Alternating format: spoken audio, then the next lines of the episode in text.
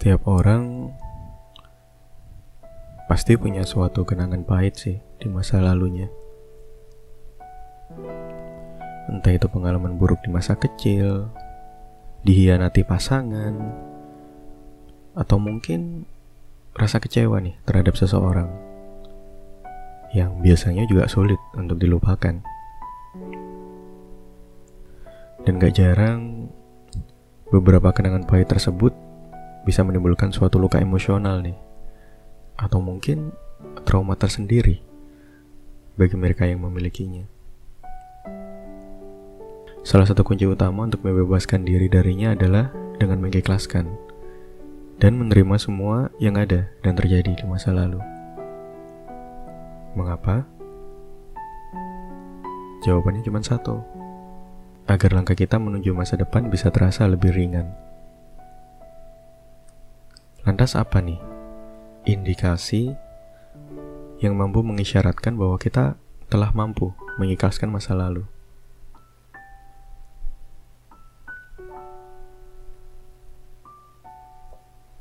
Hai, gimana kabar kalian? Semoga masih dalam keadaan sehat ya. Semoga ada kesalahan yang dimaafkan, permintaan yang dikabulkan, dan juga semoga ada impian kalian nih yang terwujud. Aku juga mau ngucapin makasih ya buat kalian yang udah kirim cerita. Yang pasti cerita kalian udah masuk perlahan udah aku baca kok satu persatu. Dan semoga juga ada rasa lega nih yang bisa kalian dapatin karena udah membagi keresahan yang kalian pendam selama ini. Dan di episode kali ini aku bakal bawain topik tentang mengikhlaskan masa lalu. Semoga ada hal baik ya yang bisa kalian ambil nantinya. Bersama saya Ilham dari podcast teman lama, menemani malam kalian dengan sebuah cerita yang semoga ada maknanya. Jadi hari ini aku udah pilih satu cerita ya dan cerita kali ini datang dari Dito, nama yang aku samarin. Halo Mas Ilham, aku mau ikutan share keresahan ya. Sebelumnya kenalin nih Mas, aku salah satu follower Mas Ilham setelah direkomendasiin konten podcast Mas Ilham sama teman aku lewat DM. Gak ngerti kenapa suara Mas Ilham ngingetin aku nih sama abang aku yang udah meninggal 2 tahun lalu. Aduh, Waduh, waduh, waduh, waduh. Oke, aku lanjut dulu ya bacanya. Jadi sedih sekaligus seneng sih mas. Sedihnya keinget lagi nih kalau abang saya udah nggak ada. Senengnya jadi sedikit terobati. Jadi pengobat rindu gitu mas. Kayak ada dengerin nasihat abang saya sendiri melalui suara Mas Ilham. Sorry ya mas, jadi curhat masa lalu. Hehe. Nah, yang aku mau share di sini masih berhubungan dengan masa lalu nih mas. Sebenarnya tanda-tanda kita sudah bisa mengikhlaskan masa lalu itu seperti apa sih mas? Karena terkadang aku masih bingung. Ada saat di mana aku ngerasa udah bisa ikhlasin nih masa lalu aku. Dan terkadang ada juga saat di mana aku ngerasa masih belum bisa ngelupain masa lalu aku mas. Biar aku tahu posisiku ada di mana saat ini dan biar aku juga tahu nih mas harus ngelakuin apa. Semoga Mas Ilham baca DM ini dan diangkat ke podcast ya Mas. Biar yang lain juga ngerti nih harus gimana kalau lagi di posisi yang sama kayak aku. Makasih sebelumnya. Namanya jangan disebutin ya Mas. Hehe. Oke, jadi itu uh, cerita yang udah dikirim ini dari teman kita si Dito ya. Nah, aku mau tanya dulu nih ke teman-teman sekalian atau mungkin teman-teman di sini ada yang ngerasa relate nggak sama cerita dari teman kita tadi? Kalau misalkan ada, komen di bawah ya. Atau kalau kalian malu juga boleh uh, balasnya di DM ya, biar gak ada yang tahu nih identitas kalian. Oke, sekali lagi aku mau ngucapin banyak banget makasih buat kalian udah berani cerita. Ya karena kalian udah ngebuat teman-teman pendengar teman lama yang punya masalah serupa tuh gak ngerasa sendirian gitu. Ya karena gak menutup kemungkinan bisa aja nih ada seseorang di luar sana yang ngerasain hal yang bersama tapi nggak tahu nih harus curhat ke siapa atau mungkin harus berbuat bagaimana jadi ya sekali lagi aku ucapin makasih banyak ya Oke, jadi sebelumnya aku masih nggak nyangka nih kalau misalkan suara aku bisa sama ya.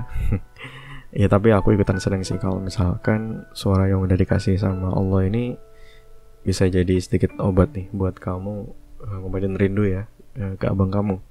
Dan kapan pun kamu mau share keresahan ya share aja ya Dito ya. Karena kalau misalkan masih dalam kapasitasku untuk mendengarkan dan memberikan advice ya insya Allah aku siap sih jadi tempat buat bertukar cerita kamu. Oke, sebelumnya kalau misalkan kita bahas tentang masa lalu, ya pasti semua orang punya ya, entah itu tentang hal yang menyenangkan atau mungkin tentang hal yang menjadikan. Pasti semua orang punya sih. Begitu juga dengan aku ya. Dan memang benar ada kalanya kita harus tahu nih saat di mana kita udah ngerasa bener-bener tahu, kita udah bener-bener bisa mengiklasin masa lalu, ya agar kita ya agar kita tahu aja kita harus bersikap bagaimana kayak gitu dan sekali lagi aku mau ngingetin nih menurut pemahaman dan sudut pandangku ya jadi bisa jadi menurut kalian itu berbeda atau mungkin justru malah salah dan buruk. Jadi ya aku harap cukup kalian ambil aja sih mana yang baik dan mana yang paling pas buat kalian pakai. Oke jadi menurutku nih ya eh, tanda pertama nih yang menandakan kalau kita udah bisa mengikhlaskan masa lalu itu uh, kita merasa gini. Jadi kita nggak merasa marah nih saat harus menceritakan hal itu kembali karena gini uh, setiap bentuk kekecewaan yang pernah kita alami itu setidaknya pasti bakalan membekas di dalam hati kita. Dan gak jarang ya justru uh, biasanya akan menimbulkan amarah nih yang nggak bisa kita pendam saat uh, kita lagi mengungkit cerita itu kembali. Atau mungkin saat kita lagi mengingatnya ya. Tapi ketika kamu udah mengikhlaskan masa lalu kamu atau mungkin sudah berdamai dengan masa lalu kamu, semua rasa amarah itu udah pasti hilang gitu. Dan ya itu tandanya kamu udah memaafkan masa lalu kamu. Dan tanda yang kedua saat kita udah mengikhlaskan masa lalu itu mungkin uh, kamu merasa nggak perlu mengungkit-ungkit hal itu lagi sih. Jadi ya mungkin kamu emang udah ya gini. Ya mungkin kita emang nggak bisa ngelupain kejadian yang udah uh, membuat kita terluka atau bahkan trauma nih di masa lalu. Ya tapi setidaknya kamu udah merelakan dan menerima hal itu menjadi salah satu cerita di perjalanan hidup yang kamu lalui. Sehingga kamu merasa udah nggak perlu lagi nih buat mengumbar-umbar cerita itu. Kamu paham bahwa oh oke okay, hal itu hanya masa lalu aku yang ya nggak perlu diungkit lagi gitu. Sekalipun balik lagi ke poin pertama ya, sekalipun kamu uh, lagi ingin menceritakan atau mungkin kamu diminta untuk menceritakan kamu udah nggak ada rasa marah lagi nih yang timbul dan tanda yang ketiga ketika kamu sudah mengikhlaskan masa lalu itu mungkin kamu udah nggak merasakan sakitnya lagi ya. Jadi gini kalaupun suatu saat kamu perlu membagikan pengalaman pahitmu ini aku ulang lagi ya contoh kasusnya ya. Jadi ketika kamu suatu saat perlu nih atau mungkin diminta ya buat membagikan pengalaman pahitmu di masa lalu dan menceritakan hal itu kembali, kamu udah nggak ngerasain sakit yang seperti dulu sih, seperti yang kamu rasakan dulu ya rasa sakitnya yang pertama kali. Udah nggak ada lagi tangisan, udah nggak ada lagi rasa pilu dan hal itu ya bisa terjadi karena kamu sudah sembuh dan kamu pun mampu buat mengiklasinnya.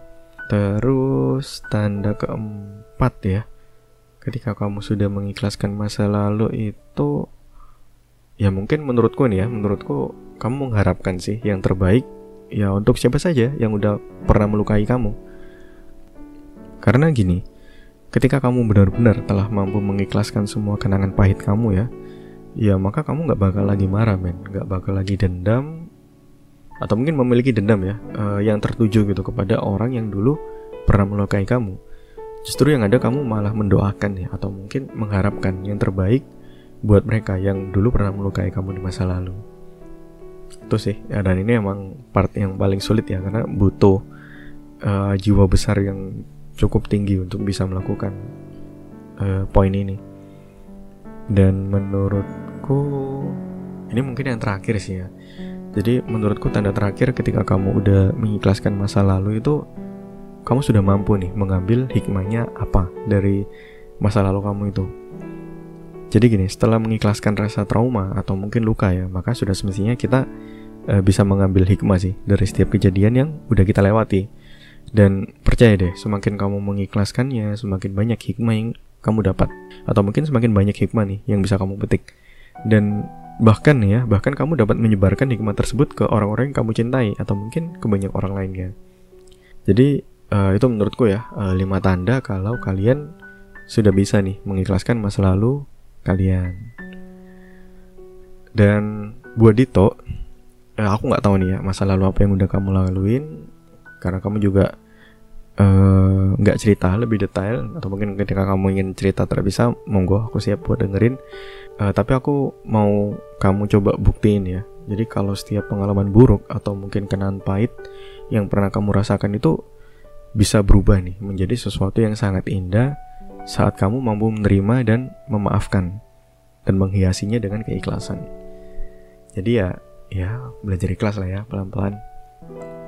Dan sekali lagi aku harap semoga di episode kali ini ada hal positif nih yang bisa kalian ambil. Dan semoga juga bisa sedikit mengurangi keresahan kalian ya, terutama keresahan Dito nih.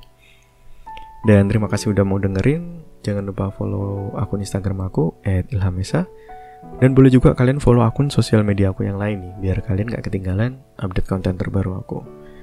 Oke, okay? so aku Ilham dari podcast teman lama. Pamit undur diri, sampai bertemu di episode selanjutnya. Stay happy, stay safe.